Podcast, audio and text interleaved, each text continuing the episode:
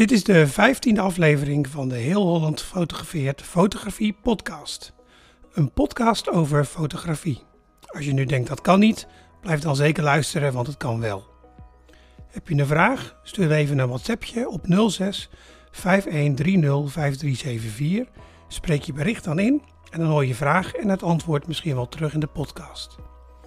Abonneer je op de podcast in je favoriete app, deel deze aflevering of andere afleveringen met je fotovrienden en gebruik je de Apple Podcast als speler, laat dan even een review achter. Dat vind ik leuk en het helpt om deze podcast nog beter vindbaar te maken. Over vinden gesproken, Heel Holland Fotografeert is te vinden op Facebook, Instagram en natuurlijk op de website www.heelhollandfotografeert.nl. In deze aflevering een gesprek met Kaat Stieber. Kaat is een van de beste fine art fotografen van Nederland en misschien nog wel verderop ook. En ik ben blij dat Kaat in de podcast wilde zijn. Nou, welkom Kaat bij de Heel Holland Fotografie podcast. Uh, we gaan zo meteen uh, in op je werk en, en fine art en al dat soort dingen. Maar ik heb alvast een paar vragen voor je. Um, nou, de eerste vraag is wie ben je en waar woon je? Ja, nou mijn naam is Skaat Stieber. Ik woon in uh, Hellevoetsluis. Hier ben ik ooit gestrand en ga ik nooit meer weg. Echt nooit meer? Nee. Oké. Zeg ik nu. Helemaal goed. Uh, hoe, hoe, ben jij in de fotografie beland? Um, ik ben er echt in beland. Um, ik heb altijd gefotografeerd, maar ik had eigenlijk een andere eerste liefde en dat was uh, theater. En ondertussen fotografeerde ik en ben ik eigenlijk altijd door collega's gevraagd. En maakte ik eigenlijk stiekem iedereen zijn flyer al. En deed al die fotoshoots totdat ik, uh, ja, ten tijde van de recessie hadden wij ooit. En toen heb ik de stap genomen om mezelf uh, te gaan uh, bijscholen. Om echt alles uh, te kunnen. Want ik liep nog wel eens tegen de techniek aan. wat ik niet helemaal beheerste in die tijd. Ja, leuk. Um, en en was daar ook een soort van inspiratiebron om voor jou in de fotografie te stappen? Um, nou, ik denk dat het ook te maken heeft met, ja, nogmaals, dat, dat theatrale achtergrond. Dat is toch een manier van verhalen vertellen die altijd wel in mijn hoofd zitten. En het leuke van fotografie is dat, je, dat ik eigenlijk fotografie als middel heb gevonden om ook mijn verhalen te gaan vertellen. Uh, sterker nog, ik kan ze veel beter vertellen dan toen ik nog uh, theater beoefende. Omdat mijn mogelijkheden gewoon veel groter zijn geworden ondertussen. Oké. Um, uh, en de laatste vraag, en dan gaan we zo meteen echt meer in op je werk. Uh, maar de laatste vraag even voor nu. Wat heb je echt nodig als fotograaf? En dat is iets, iets een ding, uh, lens, camera, uh, een, een, een, dingetje wat heel handig is? Ja, eigenlijk voor mij heel simpel. Um, inspiratie, ideeën en gereedschap. En dat is een camera, dat kan, eigenlijk vind ik dat is ook heel persoonlijk. De een heeft heel veel gereedschap nodig en eigenlijk heb ik niet zo heel veel nodig aan gereedschap van de camera. Nou, je hebt wel een mooie studio volgens mij. Ja, ja, inmiddels is het natuurlijk uh, volledig uit de klauwen gegroeid. Ja, en um, inmiddels ook wel nodig, maar um, de, een van mijn favoriete werken bijvoorbeeld nog altijd, of zoals ik ben begonnen, ja, toen had ik nagenoeg niets en uh, kijk nog steeds graag naar die beelden. Dus, uh, en dat probeer ik ook altijd uit te stralen, mee te geven aan mensen, is dat je echt niet die mooie grote studio met die uh, professionele lampen nodig hebt, dat het ook gewoon kan in, in, op je zolderkamer met een eenvoudige camera. Het gaat vooral om hoe je naar dingen kijkt. Dus dat is uh, wat je het meest nodig hebt. Ja, ik, ik heb het al vaker in deze podcast gezegd en ook met, met de verschillende interviews. Uh, spullen, dat lijkt altijd heel leuk. En als je op zo'n beurs bent, dan zie je altijd heel veel van die mooie nieuwe lampen, uh, weet ik veel wat. Allemaal hulpmiddeltjes waarvan je denkt, als ik dit koop, dan wordt mijn fotografie beter. Maar uiteindelijk gaat het er altijd om dat je creatief bezig bent, dat je gewoon de tijd ervoor neemt. En dat dan de mooie dingen tot stand komen. Ja, absoluut. En uh, kijk, het, uh, het is een, kan een hele dure hobby zijn. En ja, ik hou ook van gadgets. Dus je kan je inderdaad behoorlijk leegkopen aan spullen. Um, ik kan me daar wel inmiddels in beheersen, omdat ik wel heb gemerkt, natuurlijk ben ik daar ook voor gevallen, dat ik denk van nou, als ik die lens heb, dan wordt het beter. Maar op een gegeven moment vind je je eigenlijk je eigen recept, denk ik, wat goed werkt voor jou. Uh, de lens die bij jou past, of de camera die bij jou past. En dat is ook voor iedereen anders. En daarom is het ook mooi dat er zoveel zijn. Maar ja, ik, ik, ik werk graag met een bepaalde lens, maar dat wil niet zeggen dat het voor jou ook werkt. We zijn gelukkig ook allemaal anders in de fotografie. Ja, dat klopt. Uh, we gaan eventjes naar de luisteraarsvraag. De luisteraarsvraag komt deze keer van uh, Mariska. En zij vraagt hoe je een dier goed op de foto zet. Uh, nu weet ik dat jij in uh, je workshop zelfs gebruik hebt gemaakt van een opgezet vogeltje. uh, dat is dan misschien wel heel erg makkelijk om dat diertje op de foto te zetten. Maar heb jij tips om een dier goed op de foto te zetten? Ja, nou, ik hou me niet zo veel bezig met, met dieren. Dus ik vind ze wel makkelijker dan te jonge kinderen hoor. Daar werk ik niet graag mee. Maar om heel eerlijk te zijn, zijn de meeste dieren op mijn foto's eigenlijk opgezet inderdaad op gewoon dood. En um, ja, ik denk dat dit een gevalletje omkoperij is. Lekker stukje vlees of zo. Nee, ik heb weinig ervaring met, met dieren.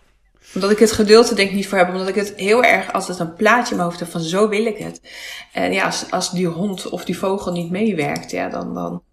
Dus ik heb er geen controle over dieren, denk ik. Daarom ja, werk ik er niet graag mee. Ja, misschien moeten we niet aan, uh, aan Mariska gaan adviseren om, uh, om, ik weet niet of ze een hond of een kat heeft, uh, om die dood te maken en op te zetten. Nee, nee, nee, zeker net, niet. Net iets te ver. maar goed, er zijn natuurlijk wel een paar echt concrete tips als je je huisdier of een ander dier op de foto wil zetten. Um, vaak gaat het erom dat je goed let op je sluitertijd. Uh, sluitertijd is echt wel key in dat soort dingen. Ja, tenzij de hond of de kat lekker ligt te slapen, dan uh, kan je wat meer veroorloven. Uh, maar zeker als er wat, wat beweging in zit. En ehm, ik heb redelijk jonge katjes van inmiddels een jaar. als dat eenmaal losgaat, dan gaat dat hard los. En dan, dan is eigenlijk vaak het probleem dat je de sluitertijden niet kan krijgen die je zou willen. Je wil dan vaak wel sluitertijden van richting een duizendste. En dat is binnen, zeker in deze periode waarin het al wat sneller donker wordt, wordt dat echt wel moeilijk. Um, dan is het echt wel zaak om een goede, goede plek te vinden waar er voldoende licht is. En uh, te zorgen dat je een goede scherpe foto krijgt. En je kan dat bijvoorbeeld doen door een korte sluitertijd te nemen in combinatie met flitslicht. Uh, ik heb wat verschillende online cursussen ook over flitsen en over de ultiem scherpe foto. Daar staat ook wat, wat meer dingen in. Uh, maar flitsen werkt wel heel erg goed om zo'n ja, beweging eigenlijk te bevriezen. En dan heb je niet eens een hele korte sluitertijd nodig. Dus dat is zeker een idee. Uh, maar je moet ook weer zorgen dat de foto er niet te geflitst uitziet. Ik zal in de show notes even een linkje doen naar een artikeltje over hoe je eigenlijk heel makkelijk uh, een betere flitsopname kan maken. En nou ja, dat voorbeeld in dat artikeltje gaat over mensen. Maar als je daar de hond of de kat neerzet, dan heb je eigenlijk hetzelfde resultaat. Goed, dan gaan we uh, echt naar Kaat en de fine art. En wat denk ik wel even goed is uh, om mee te beginnen, Kaat, is om eigenlijk de vraag te beantwoorden van wat is fine art nou eigenlijk? Ja, nou dat vind ik eigenlijk een hele goede vraag, want fine art wordt verschrikkelijk veel gebruikt. Af en toe iets te snel in mijn beleving. En fine art, als je het ook opzoekt hè, op internet, staat er eigenlijk voor dat je van begin tot eind het beeld zelf maakt. Uh, houdt in dat je het idee zelf hebt, dat je op de set ook alles zelf maakt of bij elkaar zoekt. de foto uiteraard en dan de nabewerking. Dus eigenlijk van begin tot eind is alles jouw idee. En wat heel veel gebruikt wordt, is dat je tegenwoordig als je een, bijvoorbeeld een kraag omdoet op een foto, een antieke mode krijgt, dat het dan al fine art is. Maar het gaat wel iets verder. Uh, in ieder geval heel erg je eigen identiteit erin. Dat is wat het voor mij betekent. Is dat, uh, is dat voor jou altijd al zo geweest? Of ben je ook op een andere manier begonnen? Um, dat is voor mij altijd al wel zo geweest. In het begin pakte ik heel erg uit en maakte ik ook uh, mijn eigen kostuums. Ik kon een foto uh, ja, eigenlijk zo een maand of meer in beslag nemen. Tegenwoordig, uh, ja, je workflow wordt er denk ik ook wat sneller in. En ik heb een aardige voorraad ook inmiddels aan materialen. Maar ik heb wel altijd dat ik het heb uitgetekend, eerst geschetst wat ik ga maken ongeveer. Of een moodboard kan natuurlijk ook. En uh, dus ja, ik ben wel altijd van, heel erg vanuit mijn eigen gedachtegang, mijn eigen concept gaan werken. dat heeft denk ik ook wat te maken met jouw theaterachtergrond? Ja, ik denk het. En ik denk dat het daarom gewoon een soort van natuurlijk antwoord was voor mij om te gaan fotograferen. Ik zie het ook echt als een vervolg of dat dingen in elkaar vallen. Uh, ja, maar inderdaad, het heeft wel te maken met mijn uh, voorgeschiedenis. En het hoeft natuurlijk niet voor iedereen zo uit te pakken. Ja, het, het grappige is, ik heb ooit een keer op een uh, set van een, uh, van een film gefotografeerd. En ik zal niet zeggen dat het fine art is, want dat is het niet. Maar het is wel zo dat op dat moment alles bij elkaar komt. Weet je wel, er heeft iemand echt nagedacht over de aankleding, uh, de kleuren, het licht. Um, en, en dat was ik dan niet, hè, want ik, ik hoefde alleen maar te mikken en te klikken, bij wijze van spreken. Uh, maar wat je wel direct zag, is dat die foto meteen een bepaalde gelaagdheid, kwaliteit kreeg. Uh, omdat alles, uh, omdat over ieder aspect nagedacht was. Ja, maar dan kom je ook op de ideale omstandigheden natuurlijk van een prachtig uitgelichte set. Wat overigens ook een beroep is. Hè? Om die, al die foto's die je bij de, bij de bioscoop ziet hangen, dat zijn geen delen van de film. Dat ze een, een, een shot hebben genomen van de film zelf. Maar daar loopt daadwerkelijk iemand die de foto's, de sets fotografeert zoals ze zijn. Ook om uh, dingen terug te vinden. Dus dat is natuurlijk geweldig. Maar in principe is het een andermans uh, ja, kunstje eigenlijk wat je aan het vastleggen bent. Want je registreert. Je regisseert niet. Er is altijd voor mij verschil tussen regisseren en registreren. Dus registreren leg je gewoon vast iets wat al mooi is. En regisseren dan...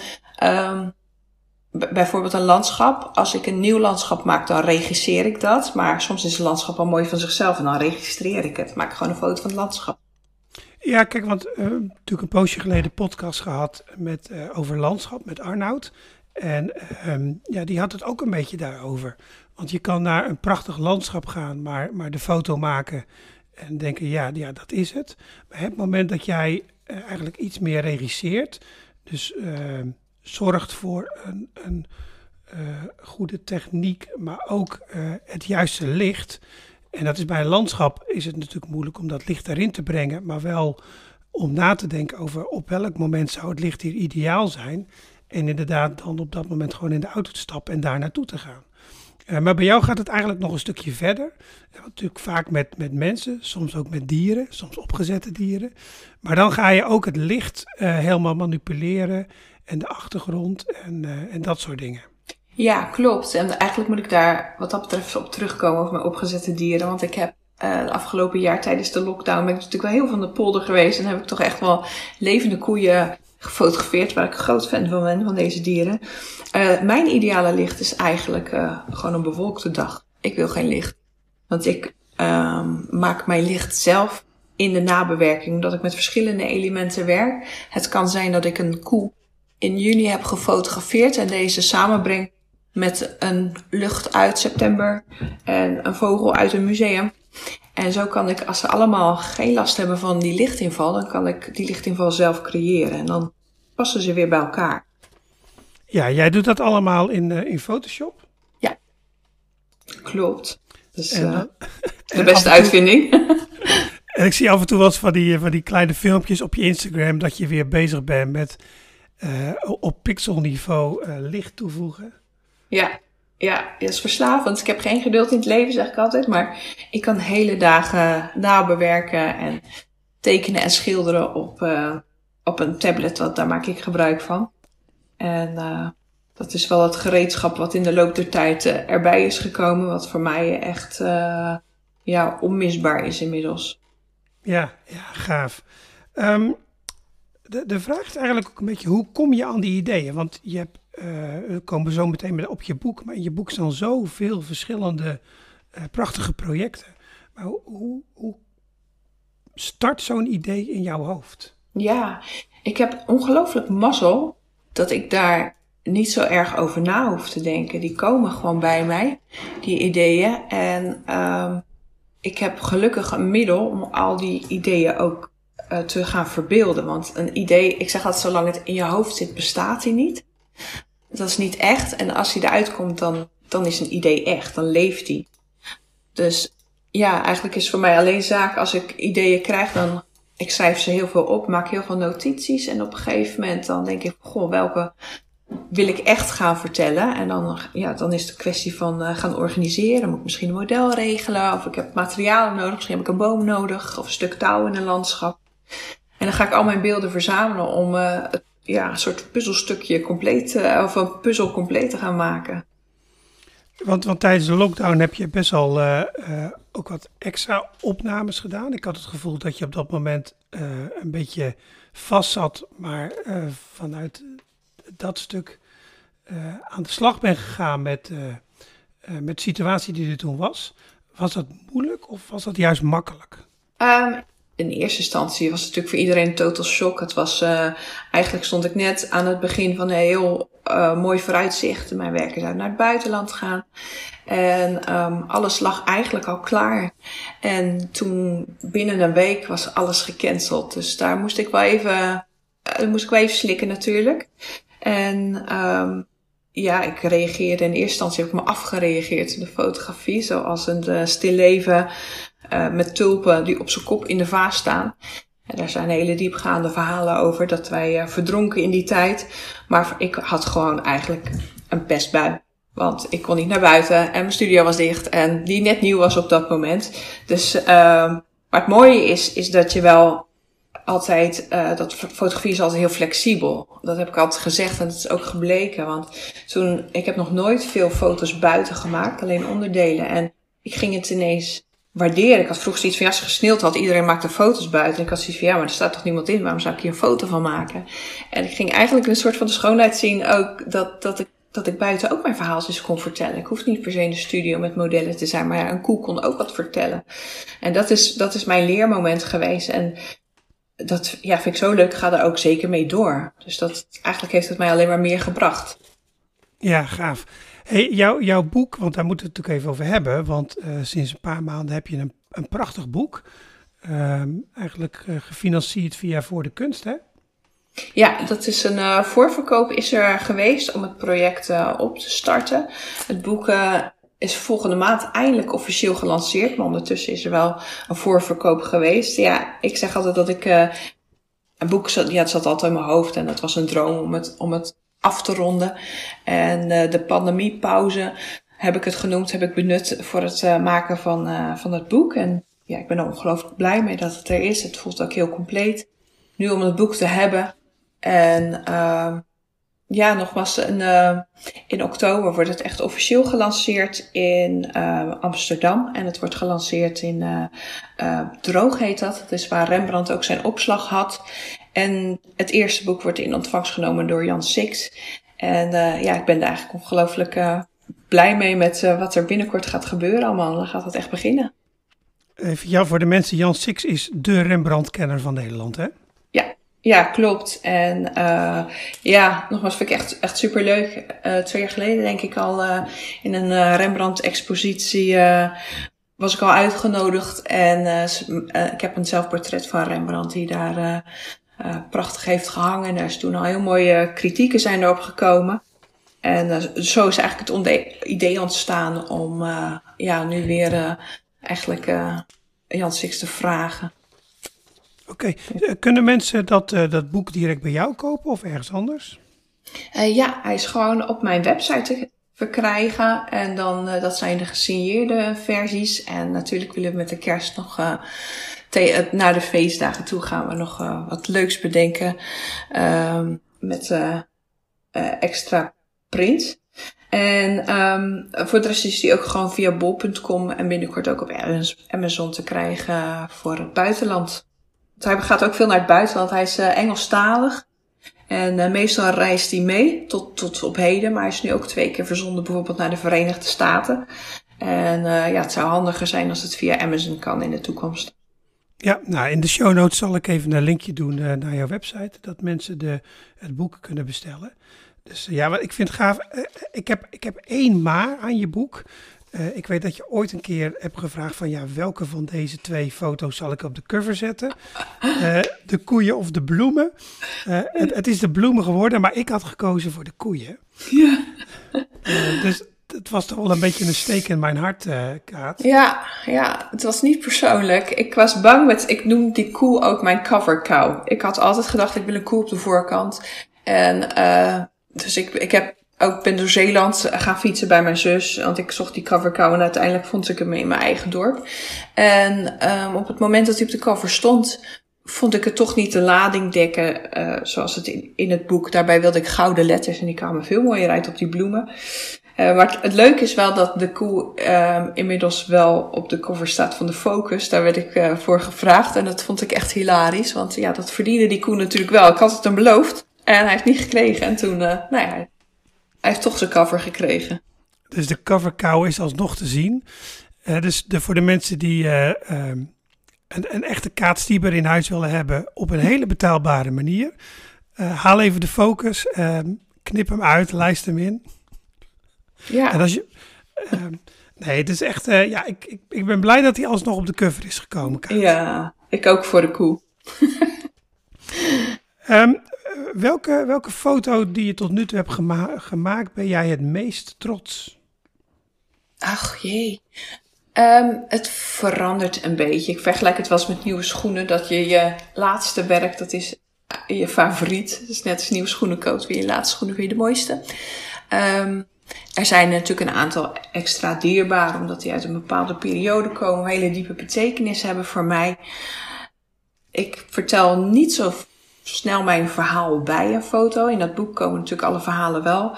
Eigenlijk uh, worden die wel een keer verteld, maar meestal laat ik het aan de kijker over. Om daarbij te denken wat je denkt. En ik vind het ook mooi, net als in de muziek, dat een foto eigenlijk jou kan laten voelen alsof die voor jou gemaakt is. En dat wil ik ook graag altijd zo laten. En ja, eigenlijk heb ik wat dat betreft wel een aantal favorieten, maar dat heeft ook vooral voor mij te maken dat het een heel speciaal moment is geweest of een bijzondere gebeurtenis in mijn leven. Eigenlijk nog meer dan hoe het eruit ziet. Oké, okay, dus we gaan, we, gaan, we gaan geen beeld krijgen van je, hè? Mm, ja, ja. Het, het, laatste grote werk wat ik gemaakt heb is uh, Zemermin. En um, die is ook wel, wel bijzonder voor mij, want ik ben uh, als theaterdame ben ik ruim tien jaar zeemermin geweest van beroep. En voor mij was dit ook een afsluiting. Dit ook een cadeau tevens naar mijn oude theaterbaas, die ook toevallig zoveel jaar bestond. Dus ik denk, ik maak nog één keer de zeemermin. En de pruik die op dit werk gedragen wordt, is ook mijn originele eerste pruik die ik uh, zelf uh, jaren heb gedragen. En het werk heeft ook de titel, A Rising Legend heet het. En dat is ook de titel van mijn eerste voorstelling. Dus dat was voor mij heel symbolisch eigenlijk, om, om voor eens en altijd het theater af te sluiten met een, met een beeld. Oh, gaaf. Ik, ik denk aan dat we die op de website ook wel kunnen vinden, hè, deze foto. Ja, zeker. Zeker. Dan, uh, dan gaan we daar ook nog eventjes in de show notes naar linken. Tof. Uh, welke foto zou je nog wel eens willen maken? Van die ik nog niet gemaakt heb, bedoel ja. je? Ja. Ach, ja, er zijn er... Ja, ik heb een aantal dingen op de rol staan. Ik zit ook gelijk naast me te kijken. En ik ben een soort uh, restaurant. Ik hang al mijn ideeën op een rijtje op. En soms schuif ik daarmee. En uh, ach, ja, vind ik uh, heel erg lastig uh, om daar zomaar iets over te zeggen. Ik ben wel bezig met wat ik heel graag zou willen maken, is toch wel een nieuwe wereld. Ik heb natuurlijk eigenlijk de geschiedenis vastgelegd nu. En daadwerkelijk de wereld zoals die is op dit moment in mijn ogen en ons cultureel erfgoed. Um, maar ik ben ook wel heel erg geïnteresseerd in de wereld die al heel oud zijn. Dus eigenlijk oudheden en daar weer een nieuwe wereld van maken. Ja, het is heel vaag. Ik weet dat ik in, uh, in beelden praat en dat is heel verwarrend voor mijn omgeving. En dat zal nu niet anders zijn, maar ik zie het natuurlijk voor me. En het is pas duidelijk als het beeld gemaakt is, dat, dat weet ik. Maar ideeën genoeg en uh, ik stop nog lang niet. En uh, vanaf uh, november ga ik weer vol eigen beelden maken. En ik denk zelfs tot en met maart dat ik daar in blijf duiken. Kijk, gaaf. Dus echt weer een nieuw project. Ja, ja. En dan hou ik ook echt de agenda zo leeg mogelijk om vooral aan mijn eigen werken te werken. Ik krijg genoeg vragen voor ja, het kunnen merken zijn of mensen privé kunst op maat. Maar dat moet ik dan echt even afhouden om me niet af te leiden van mijn eigen doel en project. Goed, we gaan het zo nog even over je agenda hebben. Um, nou, mensen kunnen dus, dus op jouw website verschillende dingen zien. Ze kunnen jou, jouw boek kopen. Echt een aanrader wat mij betreft. Want ik heb hem natuurlijk gesigneerd, hier zal liggen. Um, maar waar kunnen mensen jouw werk uh, fysiek zien? Ja, dat, uh, ik werk samen met uh, galerieën. Dit is ook te vinden op mijn website, omdat exposities best wel veel um, wisselen. En het blijft ook een beetje rommelig, om het zo maar te noemen. Soms gaan dingen ineens door of ineens niet. In die periode zitten wij nog steeds. Um, afgelopen maand heb ik voor het eerst een eigen expositie geëxposeerd. Dat is ongelooflijk goed bevallen, omdat gewoon het persoonlijke contact, de ontmoetingen met alle mensen, uh, de locatie was in dit geval ook geweldig. Dus het zelf organiseren van eigen exposities is wel iets wat zal blijven, want volgend jaar zeker terugkomt. Um, dat geeft me ook de controle om heel veel van mijn werken op te hangen, bij elkaar te krijgen. En er hingen er 26. Um, ja, dat, uh, dat is eigenlijk het doel, dat het vooral zo gaat zijn. En voor de rest ja, zijn de galerieën waar ik hang en de exposities die gaande zijn, musea, die zijn uh, te vinden op de website. Top, oké. Okay. Um, eens even kijken, want uh, exposities, boek. Oh ja, nu weet ik toevallig dat jij ook nog eens masterclasses doet voor heel hond fotografeert. Ja.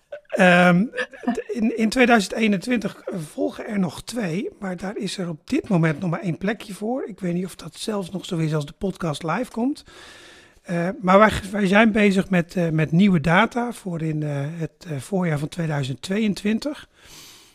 dus als Kaat met haar nieuwe project eigenlijk bezig is, dan, dan komen er weer, weer nieuwe plekken. Dus als je een keer met Kaat samen wil werken, als je wil zien hoe zij haar manier van werken uh, eigenlijk heeft verfijnd, dan, dan kan je een masterclass doen. Want wat, wat zijn de dingen die je zo allemaal tijdens de masterclass laat zien aan de mensen? Eigenlijk is het een beetje natuurlijk een, masterclass altijd een beetje een kijkje in de keuken van. En dat is dit ook. Ik laat zien um, twee keer verschillende opstelling, maar wel met uh, één lamp gaan wij uh, het model uh, belichten. Um, vertel wat meer over mijn manier van werken. Um, de nabewerking laat ik zien en dat is heel veel informatie. Dus we hebben inmiddels hebben we buiten dat het op die dag te zien is, ook natuurlijk de video's die naderhand online te bekijken zijn voor de deelnemers dan.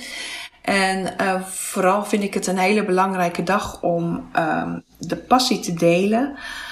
Um, en niet alleen van mij, is het ook, ook de fotografen onderling. Het is gewoon altijd een hele leuke, inspirerende dag. En iedereen uh, rent eigenlijk naar huis met zijn buit. Uh, als het goed is, hè, met, met uh, zijn beelden die ze gemaakt hebben om ermee aan de slag te gaan. En dan, dan is voor mij in ieder geval altijd het doel bereikt. Dat iedereen weer bevlogen heeft, is en er zin in heeft. En gewoon ook ziet dat, dat er geen dat alles onbegrensd is, alles kan.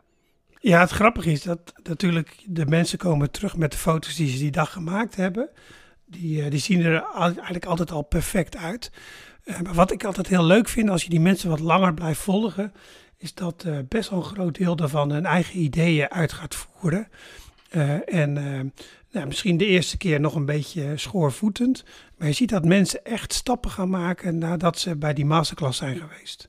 Ja, probeer ze inderdaad te inspireren om uh, geen angst te hebben en vooral te gaan beginnen. Weet je, het is nooit gelijk helemaal perfect. Uh, ach, en toen wou ik nog iets zeggen, dan ben ik alweer kwijt. Oh ja, dat ik ook zo leuk vind, dat ik hamer er eigenlijk ook soort van op dat je vooral je eigen identiteit moet hebben. Want het heeft helemaal geen zin om mijn beelden te gaan maken, want ik ben er al lang. En je haalt me niet meer in, zeg ik altijd. En, uh, maar houd vooral je eigen identiteit. En dat heeft ook vaak te zitten met iets waar je goed in bent of iets wat je voorliefde is. Hè. Misschien hou je wel heel erg van honden. Nou, ga door met die honden. En dat is sowieso bijzonder dat op zo'n dag uh, is hetzelfde model en hetzelfde licht en hetzelfde kostuum. En je krijgt van iedere deelnemer überhaupt al een hele andere foto. En uh, ja, dat, dat, dat vind ik wel leuk. Dat je gelijk al het eigen karakter in een beeld ziet. Ja, gaaf. Oké. Um, ja, ik zit eventjes naar mijn aantekeningen te kijken, maar volgens mij heb ik wel de vraag gesteld die ik wilde vragen. Heb jij nog een paar famous last words? nou, eigenlijk niet. Ja, wie niet in dromen gelooft is geen realist. Heb ik uh, eigenlijk al, uh, roep ik al twintig jaar. En dat is eigenlijk wel een beetje gebleken. Het is echt angsten loslaten. je volg je hart, volg je ideeën en, en, en begin gewoon. En soms is het een lange weg, maar ja, je wordt er zo, van fotograferen word je gelukkig, dat zeg ik ook altijd. En dat is echt zo. Dat je je kan uiten uh, op een manier. Ja, ik uh, ben ongelooflijk blij dat ik in deze tijd ben geboren. Ik zou niet weten wat ik zonder mijn camera moest. nou, ik vind het wel een mooie. Wie niet in dromen gelooft, is geen realist. Die gaan, we, die gaan we er, eh, er bovenaan hangen aan deze podcast. Uh, ik wil jou heel, heel, heel, heel erg bedanken voor jouw aanwezigheid in de podcast. Ja, geen dank. Was gezellig. Ja, ik, uh, ik kom binnenkort nog weer eens een keer langs uh, bij, bij een van de masterclasses. Wip ik even binnen als die bezig is. is altijd even leuk. Misschien neem ik wel een taartje mee. Oh ja, het is nooit verkeerd. Mooi. Durfde okay. er niet naar te vragen, maar uh, helemaal goed. nou, volgens mij is het, is het rolletje weer vol. Dit was podcast nummer 15 van de Heel Holland Fotografeert podcast. natuurlijk wil ik jou, Kaat, bedanken, maar zeker ook jou, de luisteraar. Ik ben heel erg benieuwd wat je er weer van vond en wat je graag in de podcast besproken wil hebben. Vergeet je niet te abonneren via je favoriete podcast-app of luister de aflevering via de website. En als je de podcast luistert via Apple Podcast, laat even een review achter en deel deze inspirerende podcast sowieso met je fotovrienden. Tot de volgende keer.